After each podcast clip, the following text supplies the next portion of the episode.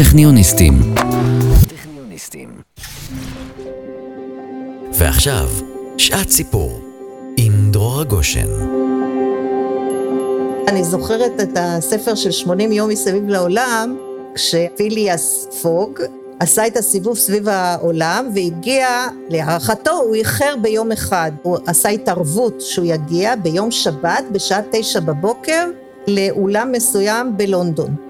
הוא הגיע לצערו ביום שבת בלילה. הוא הבין שהוא הפסיד את התחרות, וביום ראשון בבוקר הוא שלח את המשרת שלו, פספרטו, כמובן לכל אה, בריטי הגון היה משרת, וכאן הוא מספר ככה שבשעה שמונה וחמש דקות ביום ראשון בבוקר, לפי החישוב שלו, נצטווה פספרטו על ידי אדונו ללכת ולהודיע לכהן הדת סמיואל וילסון בדבר טקס הכלולות שנועד להתקיים כבר למחרת היום, כלומר ביום שני.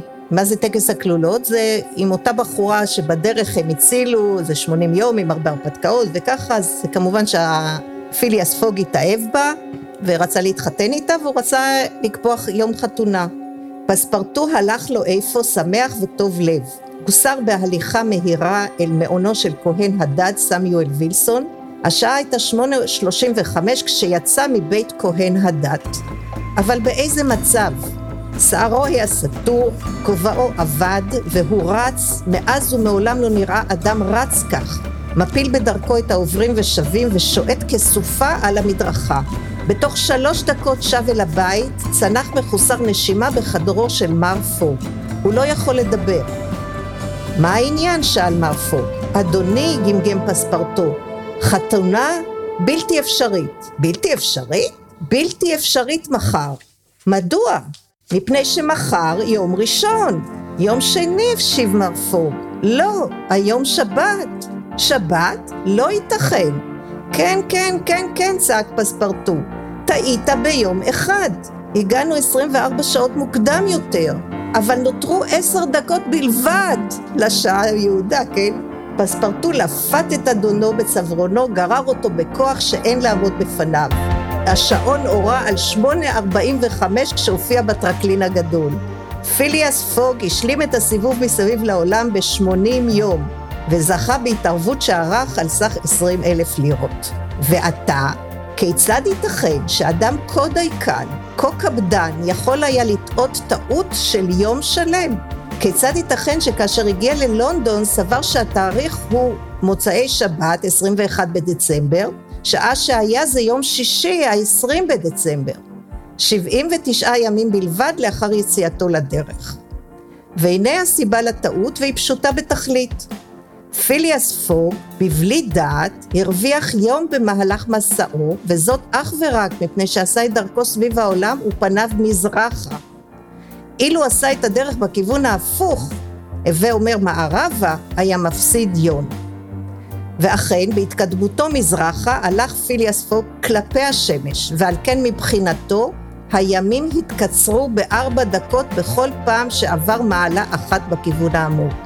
ועכשיו יש פה הסבר שלם איך מחלקים את כדור הארץ לקווי אורך וכל דקה מה המשמעות שלה וכל ההסברים. ועד היום אני זוכרת את הקטע הזה, כי זה עורר אותי לחשוב בכלל על סיבוב כדור הארץ ועל הזמן וכל מה שקשור. הייתי אומרת בכל נושא הזמנים, שתורת היחסות בסופו של דבר מתייחסת אליו, כן? שהזמן הוא יחסי. דרורה גושן סיימה תואר ראשון בהנדסת חשמל בטכניון בשנת 1971. היא המשיכה לתואר שני באותה פקולטה, ואת התואר השלישי עשתה בפקולטה להנדסת אווירונאוטיקה וחלל. היום, בפודקאסט הטכניוניסטים, נשמע מדרורה איך הגשימה את חלום הילדות שלה להיות מהנדסת, בתקופה שבה כמעט לא היו נשים בתחום. וגם נשמע קצת על הקריירה המפוארת שאליה המשיכה אחרי הלימודים בתעשייה האווירית. אני רותי דונג, מנכ"לית ארגון בוגרי הטכניון. האזנה נעימה. הטכניוניסטים, הפודקאסט של ארגון בוגרי הטכניון. שלום דרורה. שלום רותי. את ציינת שיש לך שלושה תארים טכניונים, את התואר הראשון בהנדסת אלקטרוניקה, מה שאנחנו קוראים היום הנדסת חשמל ומחשבים, את סיימת בשנת 1971. נכון. שזו קודם כל השנה שבה נולדתי, ואני אשמח לשמוע איך זה היה להיות סטודנטית בטכניון בפקולטה להנדסת אלקטרוניקה בשנים ההן. קודם כל, אני הייתי בחורה יחידה בפקולטה, אבל לא רק בפקולטה של חשמל ואלקטרוניקה, אלא גם בפקולטות למכונות ואווירונאוטיקה. כשהגעתי לטכניון ביום הראשון אחרי שהשתחררתי מהצבא, אני זוכרת עד היום את אותו יום ראשון, השיעור הראשון שהיה, היה שיעור במתמטיקה באולם צ'רצ'יל. זה אולם מאוד גדול שיורדים כלפי מטה, כלומר המושבים הם כלפי מטה, כשלמטה יש את הקתדרה של המרצה והוא הקרין בזמנו את ההרצאה שלו על מסך גדול מאוד שהיה מאחוריו. ואני זוכרת עד היום כשנכנסתי לשיעור בפעם הראשונה בשעה עשר בבוקר ביום ראשון, והאולם היה מלא עם סטודנטים משלושת הפקולטות, אלקטרוניקה, מכונות ואווירונאוטיקה. כולם גברים. ואני הייתי הבחורה היחידה, ואני זוכרת את עצמי יורדת במדרגות של אולם צ'רצ'יל, כאשר כולם שורקים, קוראים כל מיני הערות, מעירים, שמחה וששון. ואני פשוט לא ידעתי איפה להחביא את עצמי, אז כך שנכנסתי מהר מאוד לאחת השורות האחרונות שהיו גבוהות למעלה בשביל להתיישב ולהיות בשקט מאחור.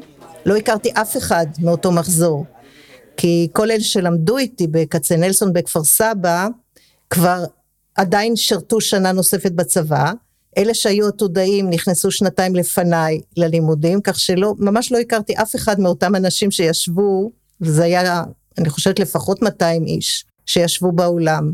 מה שאני זוכרת זה שבהפסקה הראשונה, אחרי שישבו, וכמובן הרעש השתתק, המרצה התחיל לדבר, ניגש אליי אחד הבחורים, התיישב לידי ושאל אותי במלוא הרצינות, נכון שבאת לכאן לתפוס בעל?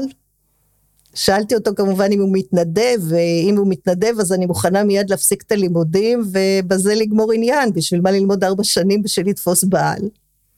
אבל uh, מאז הפכנו להיות חברים טובים ועד היום אנחנו בקשר, אבל זו הייתה התחלה. Uh, שאר השנים איכשהו קיבלו אותי, אני את שואלת לכל הארבע שנים, אז uh, סך הכל זה היה בסדר גמור, והייתי בקשרים טובים, ועד היום אני חושבת שומרת קשרים די טובים עם הרבה אנשים מהמחזורים שלי. טוב, זה באמת אה, נשמע מאוד מאתגר, אנחנו תכף ננסה לברר אה, האם זה השתנה במהלך השנים. אה, אני מקווה שכן. כן. אה, ספרי ככה איך הגעת לזה, זה באמת היה מאוד מאוד יוצא דופן באותן שנים. כן, זה נכון. אה, אני התחלתי לחשוב על הכיוון הזה של הנדסה כבר בכיתות מאוד נמוכות.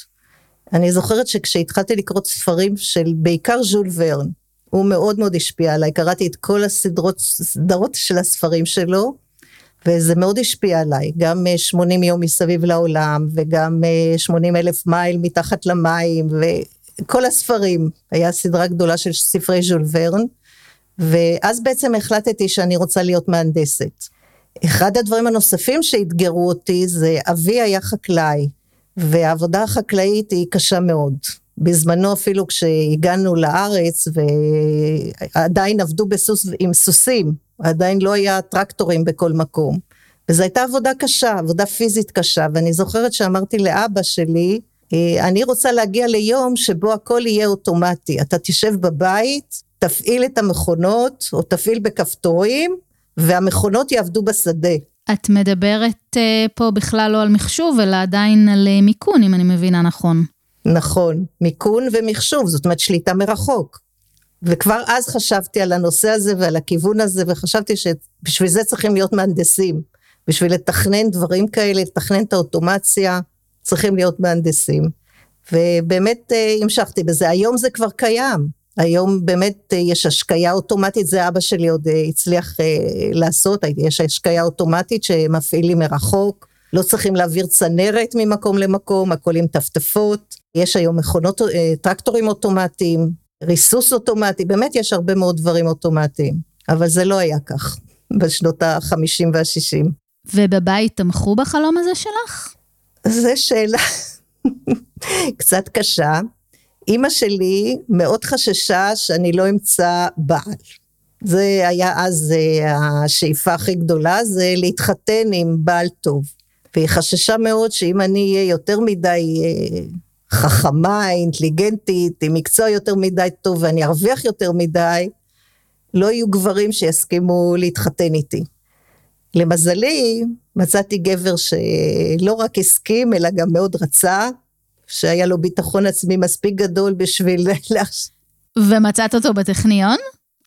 הוא בוגר טכניון, אבל מצאתי אותו בצבא, כשהייתי במילואים. אבל הוא בוגר טכניון, גם כן שני תארים מהטכניון. אנחנו תמיד צוחקים במשפחה שזו הייתה הסיבה שהסכמתי להתחתן איתו, בגלל שהוא בוגר טכניון, אבל אה, לא רק בגלל זה. היה לו מספיק ביטחון עצמי בשביל אה, לקבל אה, אישה שמרוויחה טוב, יש לה אפילו תור יותר ממנו, יש לי דוקטורט, לבעלי אין דוקטורט, אבל מפרגן לי בכל. אז בבית ככה תמכו חלקית, אבל את היית מאוד נחושה. כן, אימא שלי מאוד uh, הייתה, לא, אני לא אגיד שהיא הייתה נגד, היא רק חששה לי. אבא שלי בכלל uh, תמך, לא הייתה בעיה בזה. ומאוד תמכו, כלומר, uh, בזמנו למשל לא הייתה מגמה מתמטית פיזיקלית ברעננה, כשאני גדלתי. והייתי, נאלצתי ללכת לכפר סבא, וכתוצאה מזה להפסיד את הסטיפנדיה. אז היה סקר, ומי שעבר את הסקר קיבל סטימפדיה, ורק מי שעבד או למד במקום המגורים.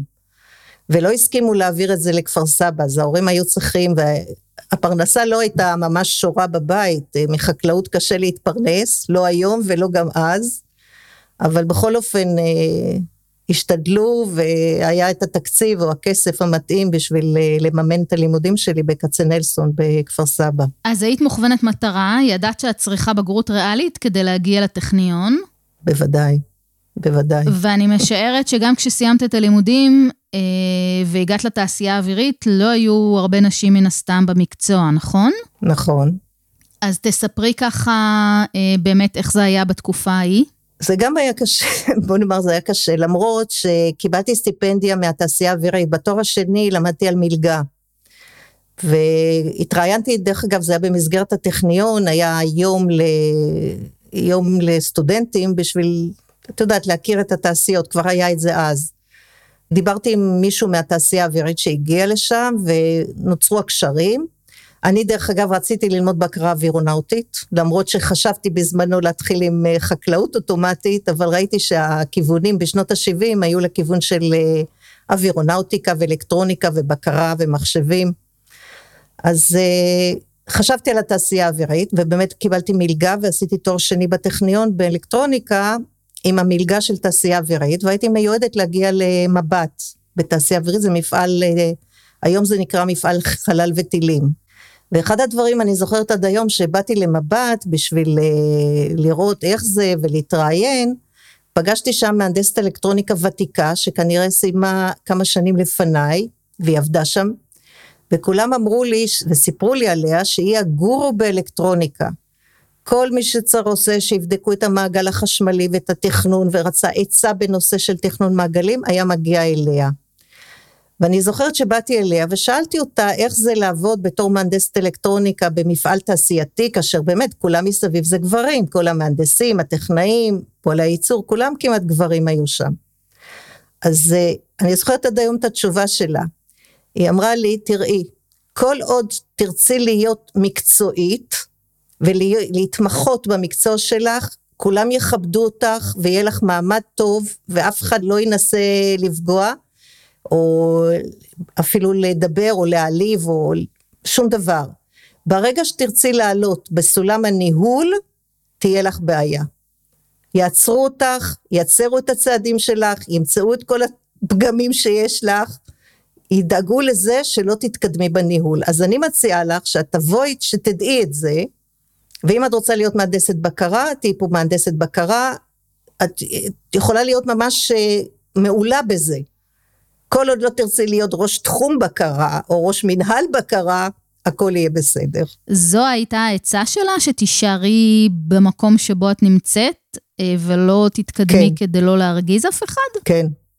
אני לא הרגשתי בזה טוב, אני חשבתי שזה לא בסדר, ושכן אפשר להתקדם, ואם את שואלת אותי, אז אני, בואי תסתכלי עכשיו בהנהלת תעשייה אווירית. במקרה הודיעו שבועז לוי, מנהל תעשייה אווירית, המנכ"ל קיבל את המינוי שלו מגנץ לפני כמה ימים, סוף סוף. אחרי שנה ומשהו. אז תסתכלי פשוט בהנהלה של תעשייה אווירית. יש שם נדמה לי 16 סמנכ"לים. יש מתוכם רק שתיים, שתי נשים. אחת יועצת משפטית, והשנייה היא סמנכ"ל לחדשנות ויזמות. דרך אגב, דוקטור אמירה שרון, שהיא גם בוגרת טכניון בשלושת התארים, ושכדאי גם כן להכניס אותה למאגר הנשים שאת מראיינת.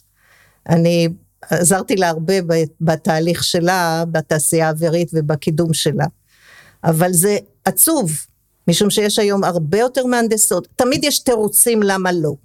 תמיד יש תירוץ למה לא לקדם נשים, למה לא לעשות את זה, למה לא לעשות אחרת. ושיש הרבה יותר מבחר של גברים. אני אישית, למרות שאת לא שאלת אותי את הנושא הזה, אני בעד אפליה מתקנת בצורה ברורה, ואני חושבת שיש הרבה נשים שלא מבינות כמה שזה חשוב הנושא הזה.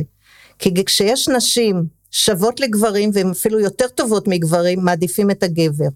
בצורה ברורה, לחלוטין, בכל מקום. אני חושבת שזה לא בסדר, זה הפסד של החברה כולה. אז את אומרת שדברים השתנו, אבל אולי לא כמו שהיה צריך, אולי לא מספיק? זה השתנה. זה השתנה, איפה זה השתנה הרבה? זה בארצות הברית. אני זוכרת את הביקור שלי, הגעתי לתעשייה אווירית ב-73 אחרי התואר השני, ובאחד המסעות הראשונים שלי הברית רכשנו שם ציוד.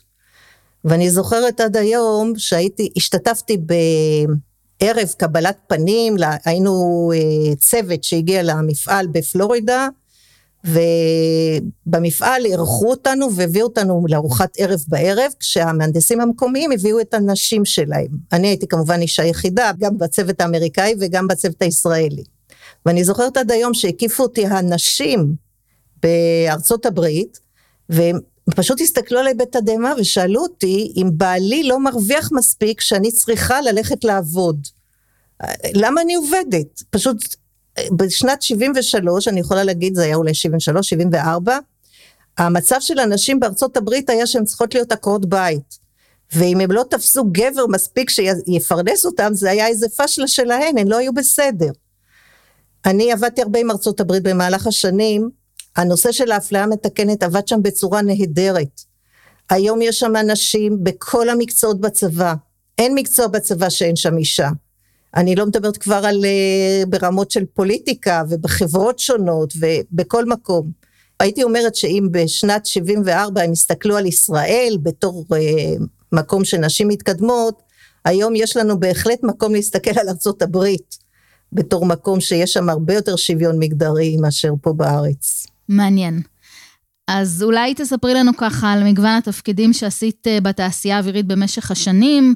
את כן התקדמת לתפקידי ניהול, למרות העצה הגרועה שקיבלת. אה, אם את יכולה, בואי תספרי לנו קצת על המסלול שעשית. התחלתי בתעשייה האווירית כמהנדסת אלקטרוניקה, בתכנון, זאת אומרת תכנון של מעגלים אלקטרוניים. התחלתי במבט, כמו שאמרתי לך, בהתחלה זה היה הייתי אמורה להגיע למבט, אבל הגעתי למפעל אחר של תעשייה אווירית ועסקתי שם בנושאים של אה, מערכות ניווט אינרציאליות. המפעל נקרא תמ"מ, בתעשייה האווירית. אה, פיתחתי בתמ"מ את מערכת הניווט רתומת הדופן הראשונה בישראל, שזה היה עבור טיל שנקרא פופאי, עד היום הוא עוד נמכר בהרבה ארצות, כולל לארצות הברית. הקבלן הראשי של הטיל הזה היה רפאל, אנחנו בתמ"מ היינו קבלני משנה וביחד קיבלנו את פרס ביטחון ישראל על המערכת הזאת. וכשאנחנו פיתחנו את הנושא הזה של המדידים האינרציאליים ואת המערכת האינרציאלית רתומת הדופן הראשונה, זה היה פריצת דרך טכנולוגית, זה היה סוף שנות ה-70, תחילת שנות ה-80, וזו הייתה ממש פריצת דרך אה, טכנולוגית בשביל כל המדינה, לא רק בשביל תמ"מ עצמה שהתחילה ממש לפתח מדידים אינרציאליים. שזה מדי תאוצה וסביבונים. בשלב יותר מאוחר עברתי למפעל מל"ט של התעשייה האווירית, ועסקתי בפיתוח אה, מל"ט ההאנטר לצבא האמריקאי. יחד עם המל"ט נסעתי לארצות הברית, הייתי מהנדסת המערכת הראשית של אה, מערכת המל"ט. נסעתי לארצות הברית, יחד עם המשפחה גם, להעביר את כל הידע בנושא מל"טים לארצות הברית. וזה היה הייתי אומרת, חוויה מאלפת. לעבוד עם האמריקאים בצורה כל כך צמודה ולראות גם איך הם התקדמו מבחינה מגדרית, מה שדיברנו קודם, לעומת מה שהיה בשנות ה-70 וה-80. אה, כשחזרתי לישראל, באמת מנהל המפעל קידם אותי להיות ראש מנהל אה, פרויקטים מיוחדים, שבמסגרת המנהל הזה פיתחנו את אה, הגדול איתן, שהיום משמש ככלי מאוד מרכזי במלחמה בין המלחמות זה נקרא, מלחמות שבין המלחמות, והמל"ט איתן, שהוא מל"ט גדול, והגרסה הגדולה ביותר שלו שזה איתן, שזה עם מנוע של טורבופרופ. שני הפרויקטים האלה היו במסגרת של אה, אותו מנהל פרויקטים מיוחדים שאני ניהלתי. אה, בשלב מסוים הגיעו למסקנה בתעשייה האווירית שהתעשייה האווירית זקוקה לנושאים של הנדסת מערכת, שזה היה מקצוע חדש יחסית שהתחילו לפתח אותו בישראל בתחילת שנות התשעים, בארצות הברית זה כבר התחיל בשנות ה-80, כשהגיעו למסקנה שמערכות גדולות שכוללות הרבה רכיבים צריכות הנדסה שהיא הנדסה רוחבית, לא רק התמקצעות בשטח מסוים של אלקטרוניקה, אווירונאוטיקה או מכונות בנפרד, אלא מישהו שבאמת יוכל להסתכל בצורה כללית על כל המערכת. ואני כשהייתי במקצועי מהנדסת מערכת מל"ט, שכוללת לא רק את המל"ט אלא גם את עקרונות אה, הבקרה והתקשורת הקרקעיים וציוד התקשורת והמתעדים ולהכין את שדות הנחיתה וכל מערכות ההמראה והנחיתה, כלומר זה מערכת גדולה מאוד כשאנחנו מדברים על מערכת מל"טית.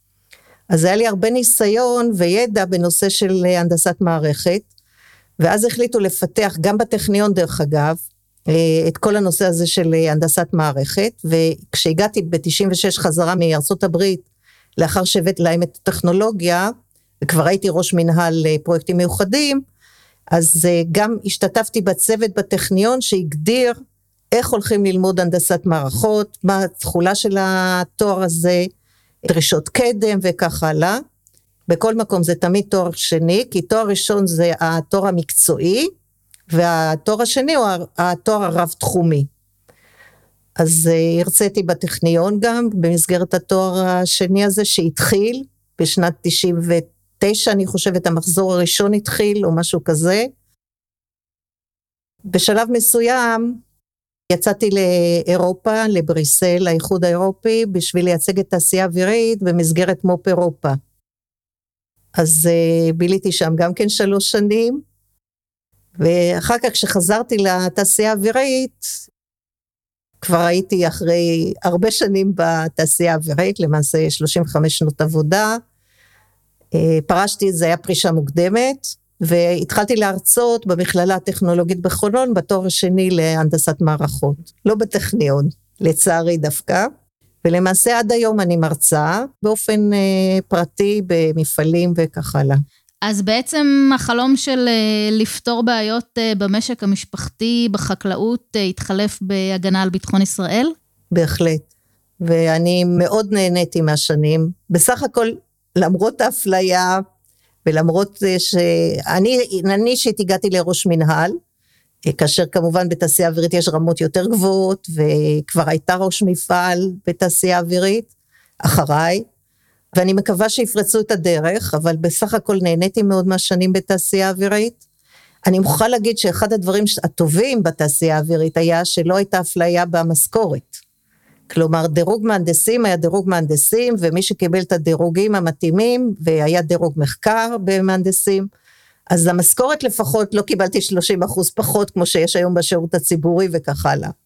אז המשכורת הייתה שווה, אבל שוב, הדירוג הניהולי אני חושבת שיכולתי להגיע ליותר, אבל קשה להתגבר על זה. כשלנשים, אני ניסיתי מאוד לקדם נשים. ואני חושבת שכל אישה צריכה לקחת לעצמה כמטרה, אה, ואני חושבת שלמשל שציפי לבני שעשתה את זה, שכל הכבוד לה, שניסתה לשים נשים בכל מיני מקומות אה, כשליחות, כדיפלומטיות, פשוט לקדם נשים. כי רק נשים תוכלנה להביא עוד נשים, לתפקידים האלה, ואם כל אישה תראה את עצמה כשליחה של המשימה הזאת, אז אפשר יהיה להגיע לשוויון מגדרי. וכמובן, אני הייתי מנסה לכפות הרבה יותר את הנושא הזה של אפליה מתקנת. זה פשוט הכרח. במה לא? אני חושבת שנשים מסוגלות, אולי חוץ מאשר להרים מסע פיזי כבד, ודרך אגב, בנושא הזה של מסע פיזי, אחד הדברים הראשונים שעשו בצבא האמריקאי, שלדעתי הוא פשוט ראייה לרחוק, הם החליטו כבר בתחילת שנות ה-80, כשהם החליטו שזה חשוב מאוד הנושא הזה של שוויון מגדרי, להגדיר שכל מערכת צבאית צריכים לתכנן אותה כך שתכלול חלקים, כשכל חלק לא ישקול יותר מ-24 קילו, בשביל שאישה תהיה מסוגלת להרים אותו. ובאמת כשאנחנו תכננו למשל את עמלת ההאנטר לצבא האמריקאי, אנחנו נאלצנו לעמוד במגבלה הזו, ולתכנן אותו ככה שהוא יהיה פריק, כשכל חלק ישקול שאישה תוכל להרים אותו. ואז גם המגבלה הפיזית הזאת הופכת להיות ללא מגבלה, כי אין מגבלה פיזית, כמו שאומרים היום, אישה לא יכולה, אי אפשר שתהיינה טנקיסטיות, כי הן לא יכולות להרים פגז ולהטעין אותו בתותח של הטנק. תתכננו את הפגז ככה שאפשר יהיה להטעין אותו בפעמיים, חלק אחד ואחר כך חלק שני. זה לא בעיה, זה בעיה הנדסית פשוטה מאוד, שאני בטוחה שמהנדס מכונות, אפילו לא בוגר טכניון, אבל בוגר טכניון בוודאי יוכל לפתור אותו. זה רק עניין של מחשבה מראש, זה הכל. ואין שום תחום שאישה לא מצטיינת בו, ושימי לב, גם בתפקידים האלה, למשל אם אני מסתכלת על uh, מי שהיום היא הסמנכ"לית לחדשנות וליזמות בתעשייה האווירית, היא דוקטור. היא היחידה שהיא דוקטור, ברמה של כל הסמנכ"לים. כלומר, צריכים להיות דוקטור בשביל להגיע לרמה הזאת. כאשר לפניה לא היו דוקטורים בתפקיד הזה. כלומר, אישה צריכה להצטיין עוד יותר כדי להגיע לאותו תפקיד. בדיוק. יש עוד הרבה על מה לעבוד. דרך אגב, אחד הדברים, אם אנחנו מדברים על אה, הנושא הזה של העסקת נשים או אחרי לידה, אחת הפעמים בתעשייה האווירית שלחו אותי לאיזה כנס בתור נציגת נשים בתעשייה האווירית, כן? לייצג את הנושא של נשים בתעשייה האווירית בכנס שהיה אמור אה, לקדם את הנושא השוויון. אני כבר לא זוכרת בדיוק איפה זה היה ומטעם מי זה היה. זה היה בשנות ה-80 המאוחרות אני חושבת. בכל אופן אני זוכרת כתנאי שאני אייצג את התעשייה האווירית ביקשתי מאנשי כוח אדם בתעשייה האווירית לעשות לי סטטיסטיקה.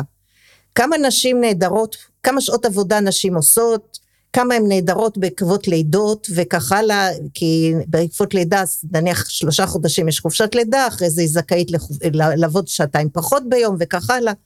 כלומר, בסך הכל סטטיסטית, כמה נשים נהדרות מעבודה בגלל לידות. וביקשתי שיעשו ממול סטטיסטיקה על מילואים של גברים. הגברים נהדרים הרבה יותר מנשים.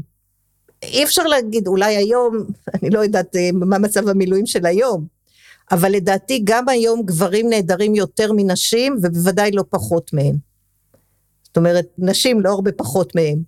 אז הנושא הזה של האידאה, הייתי אומרת, או הרעיון הזה שנשים נהדרות בגלל לידה, בגלל ילדים, זה פשוט לא נכון. זה פשוט לא נכון עובדתית. ואני לא מדברת כבר שנשים שהן מקצועיות, נניח מהנדסות, מדעניות, אה, עובדות בכל מיני מקצועות כאלה, הן נשים שיש להן מספיק הכנסה בשביל לדאוג לסידור לילדים, שתהיה מטפלת, שתהיה עוזרת, והן לא צריכות להיעדר, כשאני לא מדברת על הבעל, אבל לדעתי זו בעיה של אנשים. אישה צריכה לעשות לעצמה סדר עדיפויות. וחשוב מאוד שאישה תדע מה היא שמה בעדיפות עליונה, ואם הבית לא יהיה מסודר כל כך, או לא יהיה נקי כל כך, והילדים יהיו, מה שנקרא, מטופלים על ידי מישהי אחרת, זה לא אסון. בהחלט לא אסון. אל תשכחי שבתקופת האצולה, האימהות האצילות בכלל לא היו כמעט רואות את הילדים, הן לא היו מניקות אותן, לא היו מגדלות אותן, וחיו חיים טובים מאוד. זאת אומרת שכל האידאה פיקס הזאת שאישה צריכה להיות סופר אה, וומן ולעשות הכל ולהספיק הכל, זה רק במוח של האישה.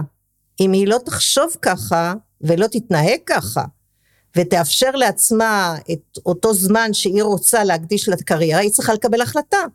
דרך אגב, אני לא אומרת שאם אישה רוצה קריירה של עקרת בית, זה לגמרי לגיטימי. אישה יכולה להחליט מה היא רוצה לעשות. אם היא רוצה להיות בבית, היא יכולה להיות בבית וזה לגמרי לגיטימי, היא רוצה להיות כמה שנים, לגדל ילדים, אין שום בעיה עם זה. אבל זה עניין של סדר עדיפויות, זה הכול. עצות לסטודנטית המתחילה או לסטודנט. לקבוע סדר עדיפויות. צריך לקבוע, וזה נורא קשה. אני יודעת שזה קשה, אני יודעת את זה גם מהניסיון האישי שלי. כשהייתי בניסויים, דיברתי על זה שהייתי בחטיבת טילים בתקופה מסוימת, ועשינו ניסויים בטילים, במיוחד בשעות הלילה, הייתי יוצאת אה, בשעה חמש-שש בערב, לכל הלילה, בשביל אה, להשתתף בניסויים. אז אני יודעת שזה נורא קשה, כי יש את הנושא של המצפון, את לא תהיי בבית כשהילדים ישכבו, לא תשאיר אליי נומה נומה, לא תתני נשיקת לילה טוב, אבל זה עניין של סדר עדיפויות. אז צריכים פשוט להיאבק במצפון, או בייסורי המצפון האלה, ולהגיד, אבל אני נהנית מזה שאני רואה את הטיל מתרומם, והניסוי מצליח, יש לי הנאה מזה, אני אוהבת את העבודה הזאת. ואני מוכנה, אוקיי, אז הילדים לא קיבלו נשיקת לילה טוב כמה לילות. זה לא אסון, הם גדלו והנה הבת שלי גם מהנדסת אלקטרוניקה, גם עובדת בהייטק ועובדת שעות ארוכות וגם מגדלת את הילדים.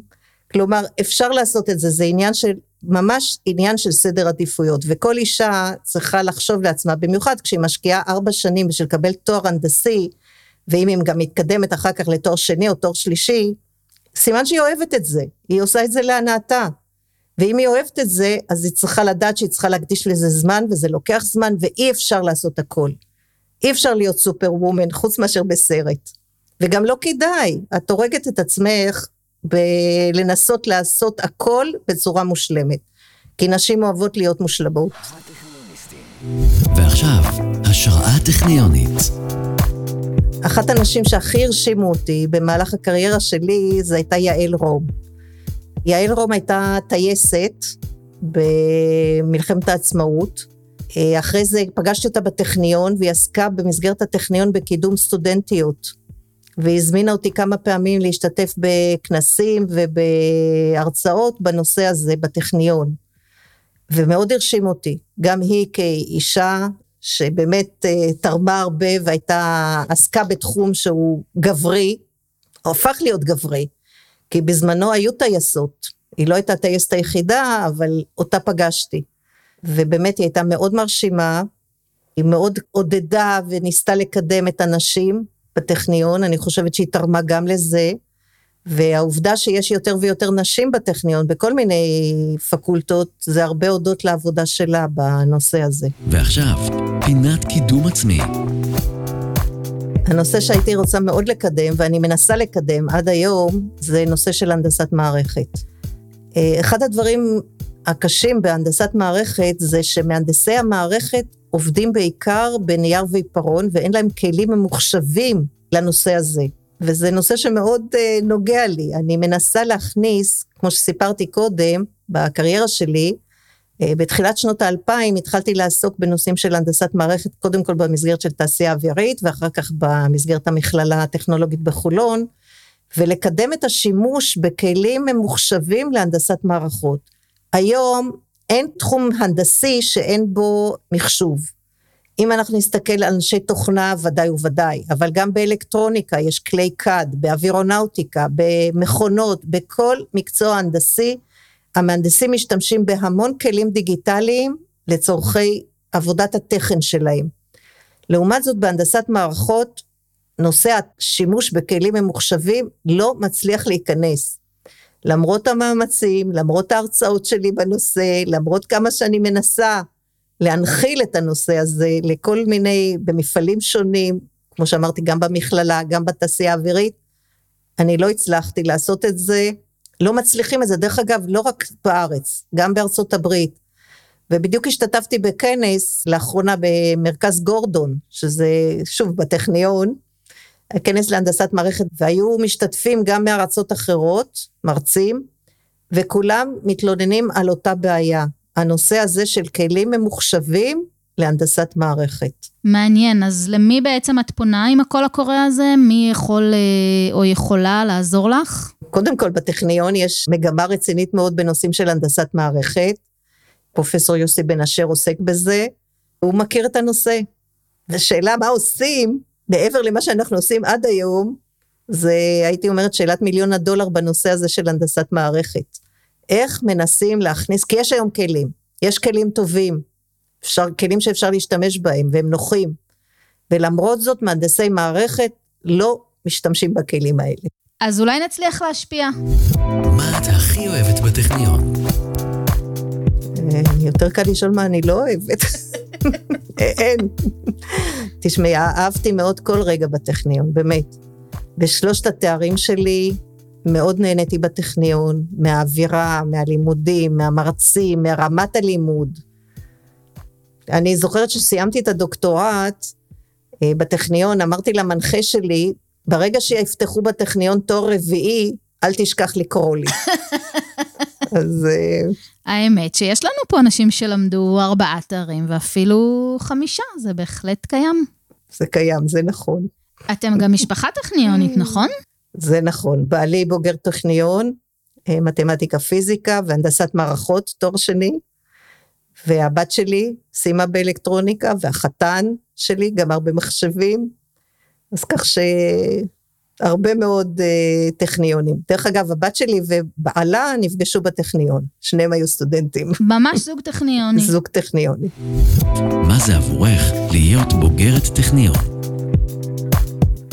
גאווה. במפורש גאווה. תמיד כשאני מציינת, אה, אני לא אומרת אה, סתם, יש לי תואר שלישי בהנדסה אווירונאוטית. אני תמיד אומרת, יש לי תואר שלישי בהנדסה אווירונאוטית מהטכניון. כי לדעתי המילה מהטכניון, יש לה משמעות. היא לא פשוט. ודרך אגב, זו משמעות היא לא רק בארץ, גם בחוץ לארץ. הייתי הרבה בחוץ לארץ, גם באירופה, גם בארצות הברית. כשהייתי אומרת מהטכניון, מחיפה, כולם ידעו מה זה. אני זוכרת שכבר הייתי ראש מנהל, אחת ההערות של אחד מהמנהלים מעליי הייתה, את לא בסדר כי את לא מאשימה את העובדים שלך מספיק. ואני עד היום זוכרת את ההערה הזאת, כי אני הסתכלתי עליו בתדהמה, כי אחד הדברים שאני חושבת שמנהל צריך לעשות, זה להתחלק עם העובדים שלו בהצלחות, אבל את הכישלונות תמיד לקחת על עצמו. וזה לא התנהגות אופיינית למנהלים גברים, וראיתי את זה. הייתי ראש מנהל אישה יחידה במפעל שלנו, וראיתי את זה בדיונים, שתמיד כשהייתה איזושהי בעיה או פשלה, משהו לא התנהל כראוי, תמיד ראש המנהל היה מטיל את זה על אחד העובדים שלו. הוא לא היה בסדר, הוא, אני אנזוף בו, אני אוריד אותו, בד... אני אעשה. ותמיד זה היה מישהו. כשהיה אצלי משהו לא בסדר, אני תמיד הייתי אומרת, אני לא דאגתי לזה, אני לא עשיתי את זה, אני, אני לא בסדר. זאת אומרת, אם אחד העובדים שלי עשה משהו, אף פעם לא אמרתי בוודאי, בוודאי את השם שלו, אבל הייתי יכולה להגיד, אולי לא נתתי לבחור הזה, שכולם ידעו אולי שהוא עשה דבר לא טוב, לא נתתי לו את ההוראה המתאימה, או לא היה לו את הנתונים המתאימים. אף פעם לא האשמתי. ואני זוכרת עד היום את אותו מנהל, איך שהוא אמר לי, את לא יודעת לנהל, ככה לא מנהלים. ואני חושבת שככה כן מנהלים. את חושבת שהתכונה הזו עזרה לך או פגעה בך? אני לא יודעת, שאלה טובה. אני מתארת לעצמי שאם אותו מנהל ספציפי, זה פגע בי. הוא כתב הערכה לא טובה עליי כמנהלת, כי הוא חשב שזה לא בסדר ככה להתנהג.